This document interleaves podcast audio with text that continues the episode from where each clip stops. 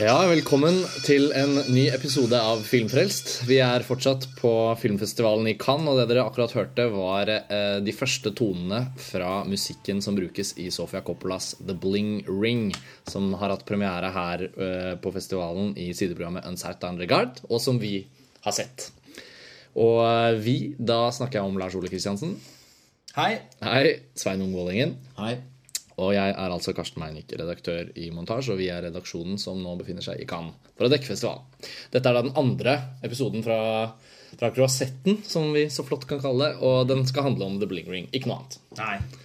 Eh, Det er jo kanskje Vi har vel vært enige om at dette er den filmen som vi Eller sånn Den hadde kanskje den største it-faktoren før festivalen. Det er mye, mye i programmene i år som er sånn litt mer obskure autører. Det er ikke de store stjernene. Von Trier, Malick, Haneke, den typen. Mens, men Sofia Coppola med, med liksom med Emma Watson som, som mest kjente skuespilleren i filmen, eh, hadde åpningsfilmen i Så det ble jo egentlig den hotteste eventen sånn sett nå på starten av festivalen. Det gjorde jeg absolutt. absolutt Vi måtte jo til og med kjempe litt for å i det Ja. få sett filmen. Ja, nettopp. Fordi det var Det har i hvert fall uten tvil vært eh, den mest ettertraktede filmen på festivalen så langt. Så det har vært fryktelig vanskelig å få sett den, rett og slett. Fordi det har vært enorm Altså Man kan jo bare tenke seg generasjonen med Harry Potter-fans som, som er akkrediterte på en eller annen måte, og som Litt sånn er ute i verden på første Ja. reis. liksom En del sånne unge amerikanske jenter vi så i køen, som er sånn tidlig i 20-årene. Kanskje det er første gang de har forlatt USA. Ja. Og så er det den filmen som har premiere. Så. Ja, så den, den visningen hvor skuespillerne som var til stede, som vi hadde veldig lyst til å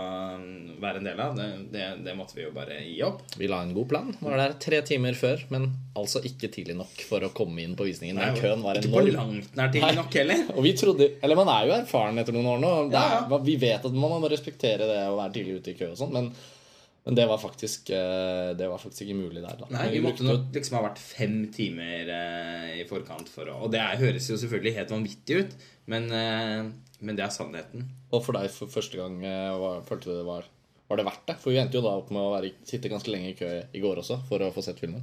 Ja, men da var vi jo aller først i køen. Ja. Den følelsen var veldig god. Det var verdt nye ja, Fire tre- timer, fire timer. ble det Ja. vel egentlig. Altså Totalt sett så har vi da på Campusdalen tilbrakt ca. syv timer i kø. Totalt sett for å få sett The Bling Ring. Og den har jo da premiere på norske kinoer om en drøy måned.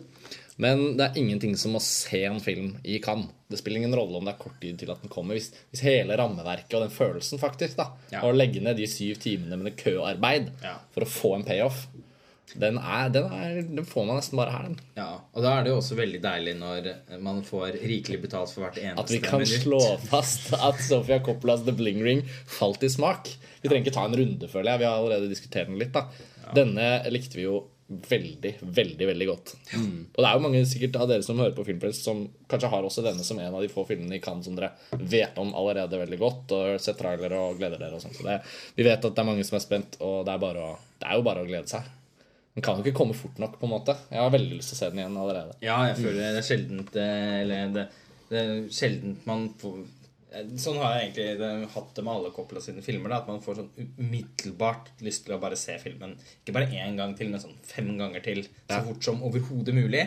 Og når man går ut av salen med den følelsen, så, så er det noe helt spesielt. Og det, og det er det med Coppola sine filmer. Eh, De er jo merkelig nok, syns jeg egentlig er ganske polariserende. Det er mange som ikke liker Sofia Coppola. Alle elsket Lost in Translation, men etterpå så har hun mistet veldig mange på veien.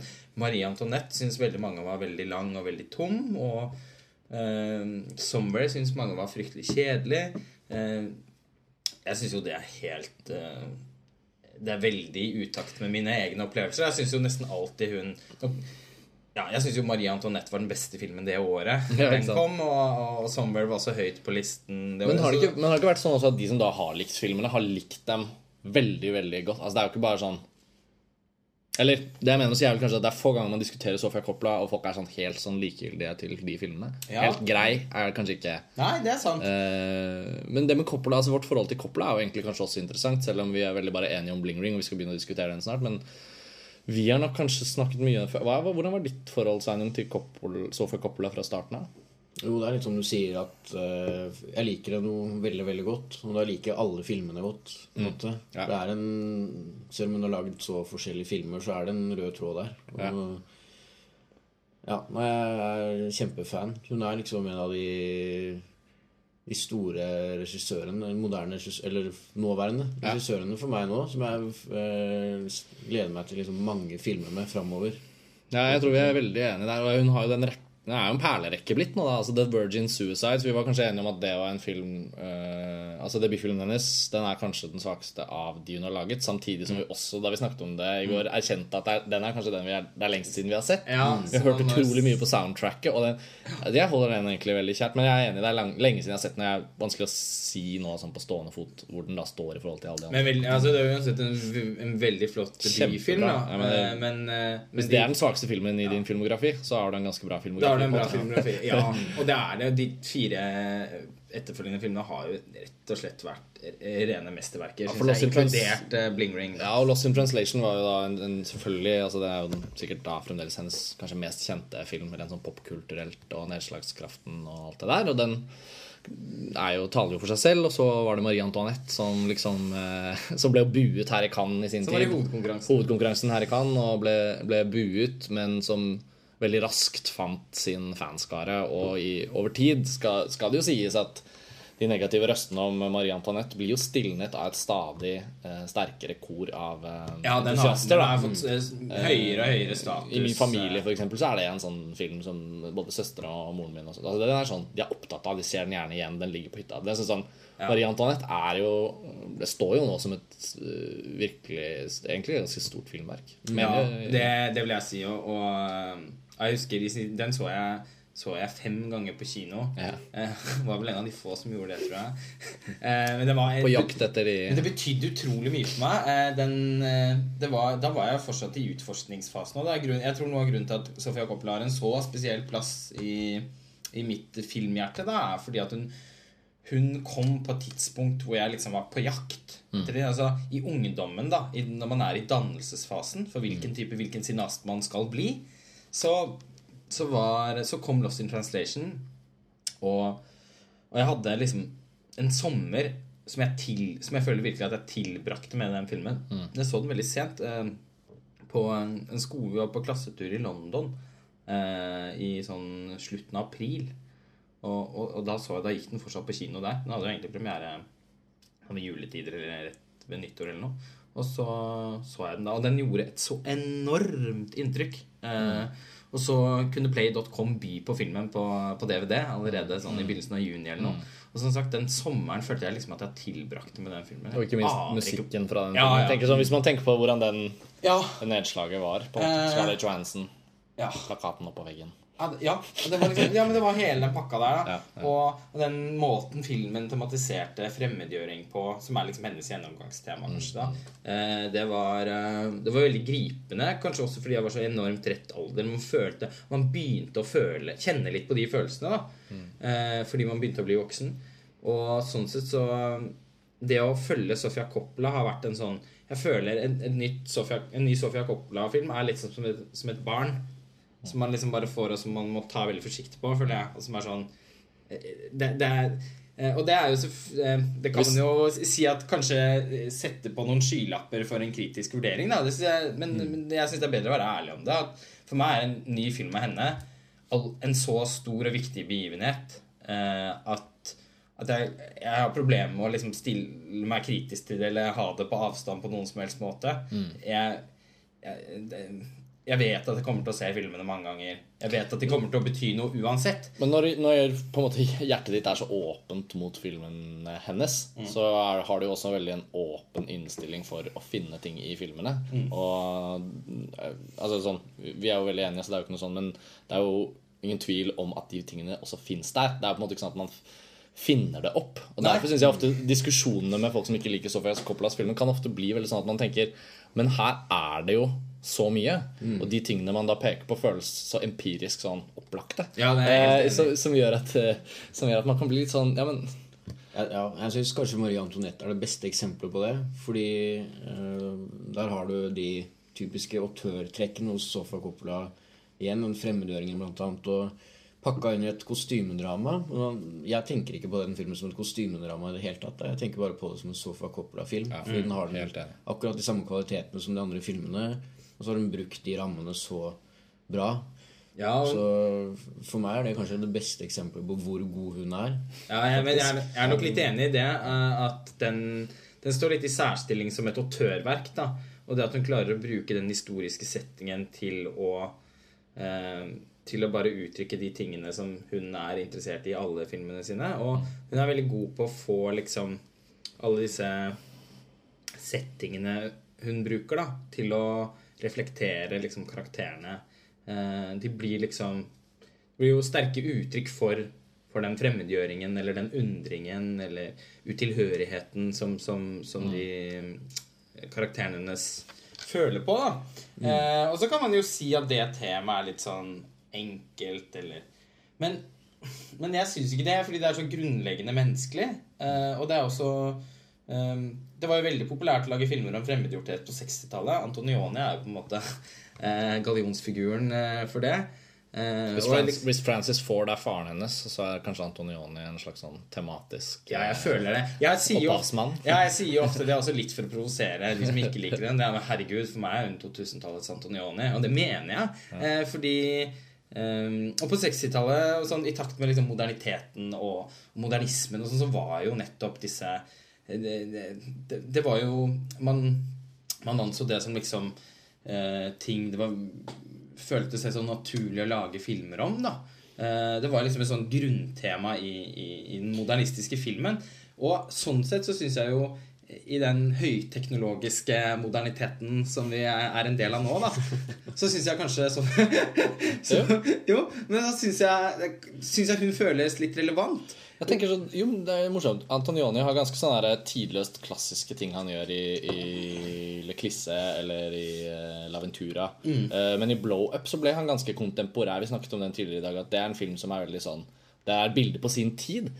Kanskje Bling Ring kan ses liksom som Coppolas Blow Up på mange måter. Altså, Det er synes egentlig jeg. faktisk kom jeg på nå mens du sa det, jeg begynte å snakke om Antonioni, at uh, faktisk så er det egentlig ganske mange Hvis man er litt medhårs, så Ja. er det egentlig ganske mange overlappende trekk. Eh, Bruken av storbyen som bakteppe. ja, og på en måte, på en måte en slags krim Altså element som på en måte er det og ikke er det. Og, og, og selvfølgelig, da, hver for sin tid. eh, Bilde eh, og eh, iscenesettelse, selviscenesettelse kanskje, og The Bling Rings, liksom hele kjendiskulturen. Men også han fotografen i Blow-ups, liksom. Eh, Mot, han er motefotograf. Det er denne liksom ja. Kul tenk- sammenligning. Ja, tenk på Le og, og Lost in Translation òg, da. Den yrkesløse vandringen i gatene i, i den afrikanske Den sånn Afrika, Afrikatemafesten i Le Clisse satt opp mot karaokesyngingen i Lost in Translation. Ja. Begge beskyldes for rasisme, men er egentlig ja. nettopp Oh. kritiske av det. Ja, eh, Nå kommer sikkert eh, Jeg forestiller meg noen kommentarer i kommentarfeltet. Når sånn, Blingring. Antonioni, herregud, kom igjen, da, dere. Men det er man skal få lov til å leke seg litt med sånne sammenligninger. Man må ikke, ta, man må ikke lage gjøre noen så store at man ikke kan få lov til å bruke de til noe morsomt. Da dør de jo. Eh, og jeg syns uh, koblingen mellom Antonioni og Sof- Sofia Coppola er uh, i mine øyne, og tydeligvis for å sånne sammen, veldig relevant. da Nå fikk vi jo ikke snakket så mye om Somewhere, for nå kan vi jo starte å digge into liksom, Ja, The Bling Ring. Men, men, men Somewhere var jo da et, slags comeback, på en måte. Hvis, hvis buingen i Cannes etter Marie Antoinette i det hele tatt traff henne, prelet sikkert av. Men så kom hun med Somewhere, som tok Gulløven i Venezia for noen år siden. Men som på ingen måte ble noe suksess etterpå. Nei, på en måte, men den, men den har jo Den fikk respektabel Ja, mottakelse. i hvert og fansen har ikke vært noe mindre omfavnende overfor Den den. har også for mange vært en fan, blitt nesten en fanfavoritt. Blant annet, jeg vet jo Sveinung har den som sin nummer én. Men så nå Ja, med, jeg tenderer til det. Ja. men nå med Bling Ring, så så har hun jo på en måte jeg, lik, jeg liker at hun, hun er veldig Altså Hun har åpenbare autørtrekk, Sveinung, som du nevnte. Altså Marie Antoinette også veldig tydelig. Men sånn gøy med Bling Ring, hvor hun på en måte da Hun tar tak i en veldig sånn kontemporær kulturskildring. Eh, en, eh, for, altså Manuset er basert på virkelige hendelser. Plottet, Det er jo ingen spoilere som kommer til å komme i denne podkasten, fordi det er jo ikke noe å spoile. Det er veldig basic plot. For de som ikke vet det, så handler det altså om en gruppe ungdommer i, i i Hollywood eller i, et eller annet, en eller annen forstad til Los Angeles eh, hvor det bor mye rikfolk, som bestemmer seg for å bare begynne å, å åpne bildører for å sjekke om de er åpne, plukke penger og etter hvert bryte seg inn i hjemmene til kjendiser. Eh, og det er en virkelig hendelse da de ble kalt The Bling Ring, og derfor filmen. Eh, og, eh, og det er egentlig plottet. Men det at hun har tatt tak i sånn veldig sånn Ja, det var virkelige hendelser, veldig kontemporær Alt er veldig sånn, Det er sånn konkrete ting. Den er ikke en sånn fiksjonsfilm som har sitt eget sånn Somewhere, for eksempel, føler jeg. da Hvor det er, en, det er en filmstjerne, men det er ikke det er handler ikke om den faktiske en. Det er funnet på en. Det er liksom, ting er litt sånn svevende i et fiksjonsunivers. Så har vi her veldig sånn merkevarer som er konkrete. De snakker om Paris Hilton, Kirsten Dunst, eh, de gjør cameos. eh, Altså sånn, Den virkeligheten er veldig virkelig, og hun har gått kanskje enda mer akutt inn i noe sånn super, super popkulturelt og kontemporært. Og det er en sånn nytt element, men så er den så utrolig gjenkjennelig som en som en Sofia Coppola-film. Som bare sånn helt sånn umiddelbart for den stemningen. Musikkbruk uh, Altså, det tar jo ikke Altså, mer enn er- sekunder nei. ut i den filmen. Det var så deilig følelse, Temaet sånn- som vi spilte i begynnelsen, er ja. ding. Bare det slår inn i sånn enormt høyt mikset eh, i lyden. Og da var man så i trygge hender. Da tenkte jeg bare Apropos liksom å komme inn i The Bling Ring, så føler man liksom sånn Ja, den har mange Og man ser det i trailerne. Det er, det er masse kule montasjer underveis av bilder fra Facebook, ting liksom sånn grovkornet webvideogreier fra sånne celeb-sider på nettet. Det er alt mulig som Det er mye mer sånn der visuelt sånn all over. Men bare aldri et sekund i tvil om at Sofia Coppola er der hun alltid har vært. Eh, og er liksom geleider oss veldig trygt inn der, da. Det er veldig Og liksom hun kan noe med det. Altså, hun, kan noe om, altså, hun snakker om noe hun kan noe om. Eh, det gjør hun jo alltid. Det er også en av, alltid en av styrkene ved filmene hennes, syns jeg. At eh, det virker ikke sånn forsert. Det er ikke, det er ikke sånn at hun liksom jakter på ting som hun kan lage en film om. Det virker mer som at det liksom faller seg helt naturlig. For henne, hun bruker igjen akkurat på samme måte som hun bruker historien om Antoinette, eh, Marie Antoinette, liksom, til å uttrykke egentlig noe mer generelt. Så bruker hun jo også denne ja, artikkelen da, om disse bling ring eh, Om denne bling ring-gjengen. Og, og, og Ja. Eh, som, eh, og den historien rundt det da som et utgangspunkt for noe som ligger Som i hvert fall jeg føler at ligger veldig nært for henne. da Ja. Hele den miljøskildringen som hun tar for seg, er nok noe hun sikkert har eh, Hun velger jo basically å lage en Sofia Coppola-film om noe. Mer enn at hun velger å lage en film om det. Jeg tror mange, mange liksom eh, Mange av motstand, eller de som hatet Marie Antoinette, da, var kanskje ute etter en Marie Antoinette-film. Men det er jo ikke det den er. Nei, ikke liksom. sant. Det kan godt være det òg, hvis man er åpen for å se den i lys av eh, Sofia Coppolas prisme. Liksom. Men hun er først og fremst der for å lage sin film. Og det gjør jo at hun blir en veldig ærlig og liksom hun har en konsistenthet i sitt kunstneriske uttrykk som egentlig er utrolig vanskelig for, eh, for mange regissører å opprettholde. Selv om de kanskje ønsker å gjøre det, så får de det bare ja, Hun er en så klassisk autør, da. Ja, men en, en veldig standhaftig god, liksom. Ja, ja. Virkelig. Eh, så ja, jeg, du begynte jo litt å mumle på det i stad. Sa jeg noe med at hun er jo faktisk en av vår tids Altså sånn Kan trygt si at hun er Hun har tatt over plassen faren hennes hadde på slutten av 70-tallet, på en måte. Ja, og med en litt forskjellig type plasser, men, ja, men når man nevner Coppola nå, så er det mer naturlig at det er eh, Sofia Sofia man Coppola man snakker om. Liksom.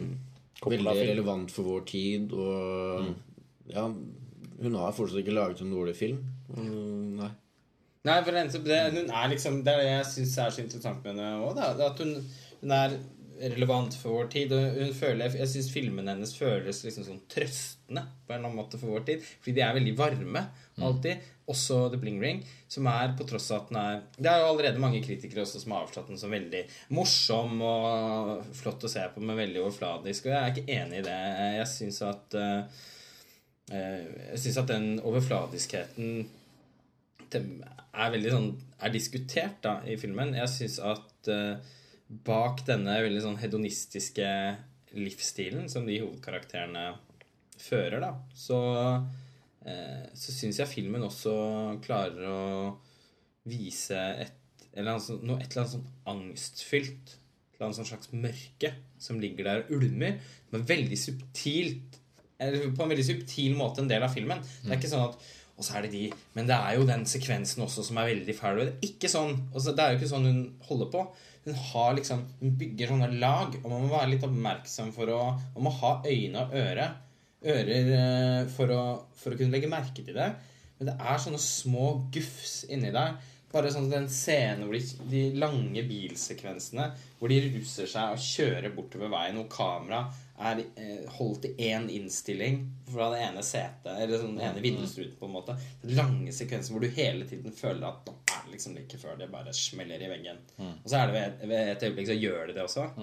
Eh, så, boom, hvor man blir helt sånn huh, Det er noe Det er en scene med en pistol som blir lekt med inn i det ene huset, som er oppriktig ubehagelig. Ja, den syns jeg var veldig ubehagelig. Ja, men, men, ubehagelig, men den er heller ikke gjort sånn der ikke «Å, nå kommer alle, Nei, nettopp. Ikke sånn horrorubehagelig. Eller liksom ikke en kjeve mot uh, asfalten. Nei. American History X-ubehagelig. Nei, sånn, ja, men altså, Det er ikke gjort sånn insisterende Men denne filmen er faktisk også en veldig alvorlig eller eh, en mørk film om Nei, det er, ikke, det er ikke der. Men du merker det, at det ligger der. Og det er en eller annen sånn Og det er det jo alle filmene hennes. da En sånn melankoli som, eh, som gjør at selv om man liksom ikke kommer inn på de rollefigurene i sånn tradisjonell forstand, så blir man festet ved dem. ja, jeg, jeg syns jo det gikk jeg- veldig fort. Ja, ja, det gikk kjempefort. Og, og jeg syns Merkelig, selv om Ja, i all sin liksom eh, Det er jo sikkert uh, uvanlig å, å, å oppsummere filmen som det. Eh, fordi den er så morsom, og det er den jo. Den er dødsmorsom. Det er jo en satire Ja. liksom, og et slags eh, mellommenneskelig drama. Ja, men, den er, men, jeg, men jeg syns den er rørende.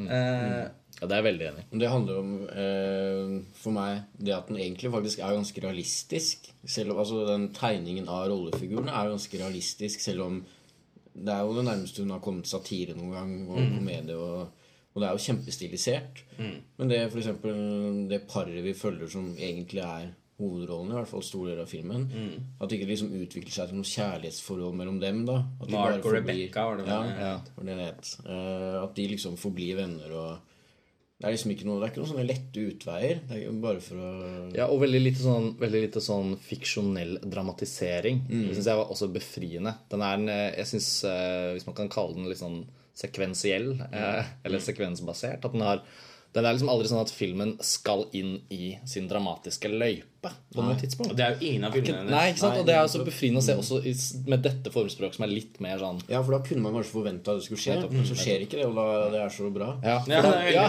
det, og, det, og plutselig blir den henfallen til en litt sånn observat, altså sånn observatør av eh, oppførsel. Mm. Fordi de, altså, dialogen hennes er jo så bra at man tenker jo?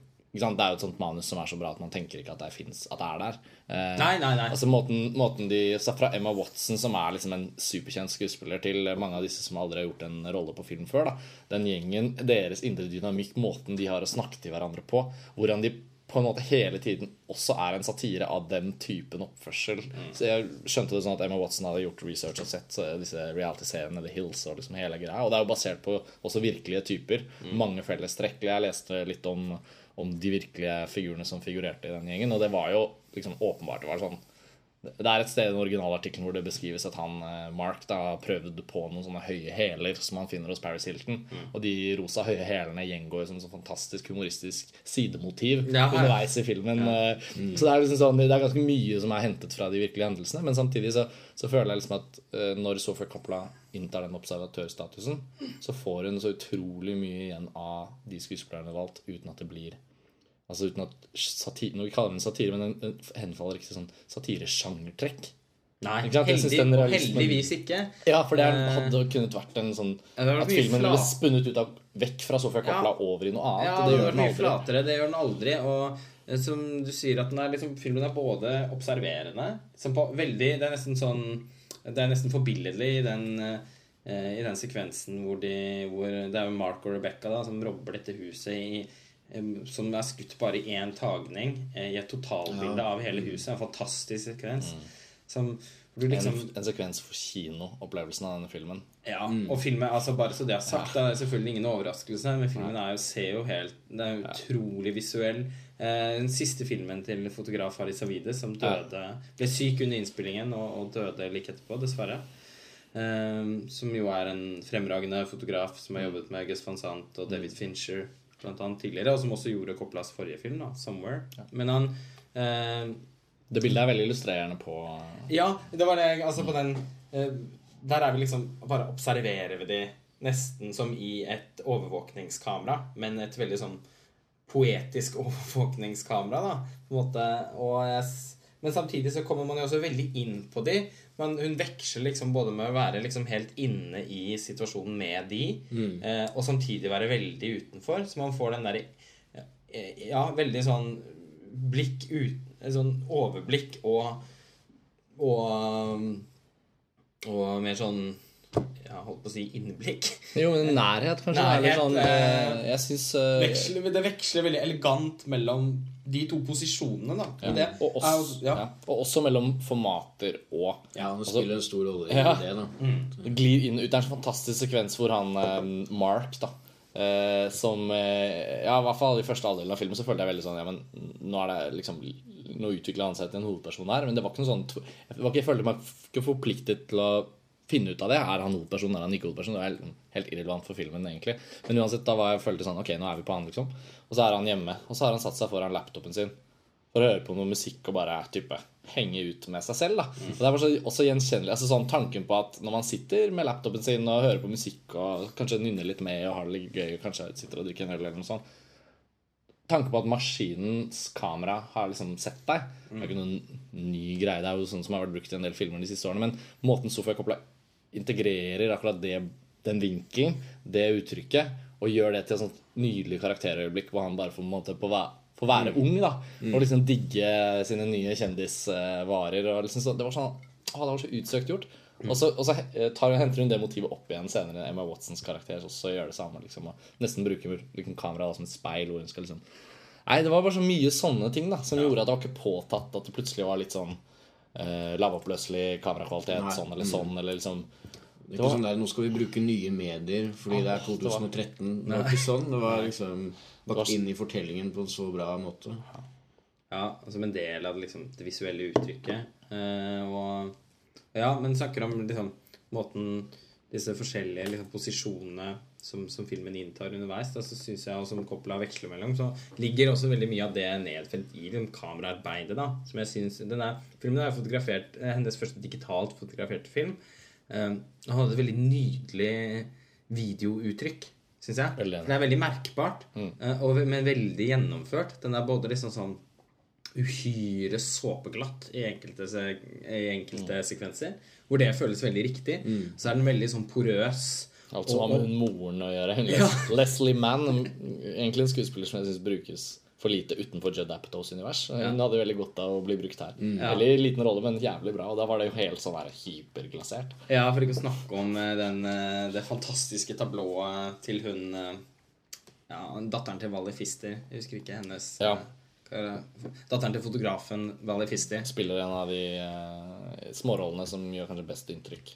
Ja, gjør veldig inntrykk. Og det er en fanta et fantastisk tablå mot slutten av filmen med henne og hennes foreldre og noen hunder og noen tjenere På kjøkkenet. På kjøkkenet er som bare er helt sånn uh, ja. Det, blir, det er sånn typisk ting som kan Gi noen år, og så er det en skikkelig sånn referanse. Sånn, åh, det bildet, liksom. Ja, ja, det kunne vært i en Tarzan-bok, liksom. sånn Definitivt. Så, men den eh, eh, men, men når det er eh, Men, men det, det kan jo være veldig sånn som det er der, men det er også, noen ganger så er også uttrykket veldig, veldig porøst og veldig mørkt. Nesten sånn skjelvende, da. En del av de sekvensene hvor de løper hvor de rømmer fra husene om natta der og kjører biler, som også er veldig sånn Ja, bilscenene syns jeg var liksom de ill, litt illevarslende elementene. Ja. Jeg fikk hun liksom uttrykt på en kul måte. Ja, og det er alltid Men det er, all, og det er jo så helt utrolig med hennes filmskaping, synes jeg, at det alltid er så uanstrengt. da Veldig sånn Det bare Og på ingen måte påtatt. Selv om det er veldig sånn, seriøst. filmen bare har vokst ut av seg selv. Det er ikke, man, man sitter ikke og ser for seg alle disse Det er verste formen for film, syns jeg. Når man kan se for seg liksom rundbordssamtalene og møtene. Som, ikke sant? Og så har vi med det, og så blir det fett. ikke sant? Men vi mangler en siste akt. Det er noe, Vi mangler en tredje akt her. Altså. Det er. Wow. Da, da for det første tenker jeg på norsk film. Eh, og, og for det andre så tenker jeg på at, da, på at filmen ja, da er ikke film Da blir jo sjelden filmen stor kunst, da. Eh, men, det, men, eh, men denne er, som alle de andre Coppola-filmene, så er det liksom den har vokst ja, ut, Som jeg sa, vokst ut av seg selv. Og, og det gjør at det bare føles sånn Det skjerper også, syns jeg, på en veldig slående måte oppmerksomheten min. da Vi har jo sett, allerede sett ganske mange svake filmer her nede. Eh, Den er jo utvilsomt den beste filmen vi har sett i Cannes til nå. Helt uten helt uten sammenligning. Det var kanskje vanskelig å forestille seg at den blir slått, og det får vi se. Eh, urimelig å forvente, kanskje, men eh, i hvert fall for meg. Men, Jeg, jeg tror den blir utvilsomt stående som den mest underholdende filmen vi ser i Cannes i år. Og så kan det jo hende det kommer snikende en, en, et, et slepent lite mesterverk av en stillfaren film om gresset på engen. Det, det kan han jo aldri garantere. Dette sier vi ikke bare som Det er fordi vi vet at det er mange sånne typer filmer Ja, i. Cannes i år. da Altså Selvfølgelig og kommer få Only God Forgives til Nicolas Winning Refn, så kan jo det være helt kickass. Men, uh, uh, men ja, underholdningsfaktoren var til å ta og føle på. Men det, det jeg var ute etter å si noe om, var liksom denne man liksom, Jeg føler at liksom jeg skjerper blikket mitt med en gang. Oppmerksomheten min puh, er helt sånn på alerten fra første bilde. Og det handler ikke bare bare om at jeg vet at det er en Sofia Coppola-film som jeg nå endelig skal få lov til å se. Eh, men det ligger noe liksom Filmen har bare det ved seg. Det er en sånn vesensegenskap med filmene hennes. At hvis du, hvis du er disponert for å like dem, så er det bare sånn Så er man der.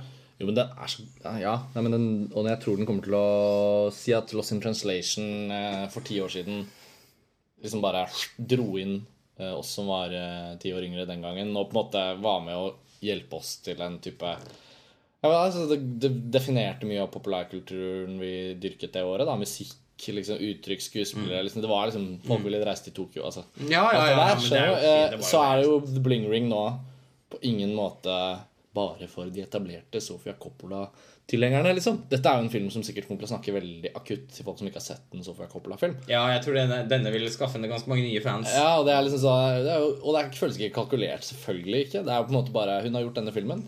Men uh, det er innmari fett å se hvordan det egentlig også utvider Sofia Coppola-filmografien. da. På en sånn, Både sånn publikumsmessig og sånn bare wow, kult, liksom. Der kommer jo litt en parallell til Spring Breakers, som vi har snakket om inn også. Det at man eh, har muligheten til å introdusere ja, andre filmer, da. Eller kanskje litt ja, andre typer filmer eh, for et eh, nytt publikum. Uh, Trenger ikke ta den kjempedebatten om Spring Breakers kontra Nei, men det er en fin punkt å trekke inn. Ja, og no, no, no, vi må er, liksom man har jo forestilt seg de to som en dobbeltbill før man i det hele tatt hadde sett noen av filmene. Ja, og, og jeg mener nå, etter hvert som vi liksom oppsummerer litt og avslutte, så, så er det jo en veldig relevant ting å trekke inn. Jeg tror vi er inne i et år hvor, eh, hvor eh, Spring Breakers og The Bling Ring kommer til å kunne ses i sammenheng med hverandre. De har ing, på ingen måte, de utsletter ingen elementer av hverandre. De er veldig forskjellige også. Ja, ja. Det er derfor det er gøy med en tematisk og litt sånn derre samfunnskultur. Altså den amerikanske ungdomskulturen. Mm. og jeg tuller jo med fullt alvor så tuller jeg om at Michael Bays Pain and Gain, som kommer i juni, også kanskje kan utgjøre en slags del av et triangel. Det er disse tre filmene, vidt forskjellige åpenbart, men med den maskuline, liksom helt annerledes innfallsvinkelen til det. Da. Og med dette liksom, litt ubetydelige kriminaliteten, men også som et tegn på liksom, For det ligger jo da i plottet til alle de tre filmene at det er litt sånn Det er litt sånn Triptyken og Ja, partykrim fra Ja, 2013. partykrim. Ja, men ikke sant? Og jo, og så kan man liksom alltid da, Hvis man føler at man er på vei over i det overanalytiske, så kan man alltid stoppe opp og le litt av seg selv og tenke sånn Jo, jo, men hvem trenger å trekke disse trådene? Men det er jo noe av moroa Det er veldig morsomt å fortsette. Uh, utvilsomt, i hvert fall for oss som, liksom, som befinner oss i den evige kvernen av filmsamtaler. Da, så er det jo gøy at disse to filmene åpenbart, Spring Breakers og The Bling Ring, har veldig mye til felles. Uh, og litt sånn utilsiktet eh, kom på samme tid. Men samtidig også er det da kanskje da nettopp kulturen for øvrig som bare informerer filmskaperne om at her er det noe som må skildres. Men så er det spennende at selv om liksom utgangspunktet for filmen sånn, sånn narrative utgangspunktet er forholdsvis likt, da så er det jo veldig eh, Samfunnsskildringene er jo likevel vidt forskjellige. Altså Den ene Der må man må liksom inndra et klasseperspektiv, da, mens, mens Spring Breakers handler om vanlige folk, på en måte. Som I den klassen, I- i- der hvor de befinner seg. Ja. For det morsomme er jo de er jo ikke spesielt fattige. Det er ikke derfor de stjeler.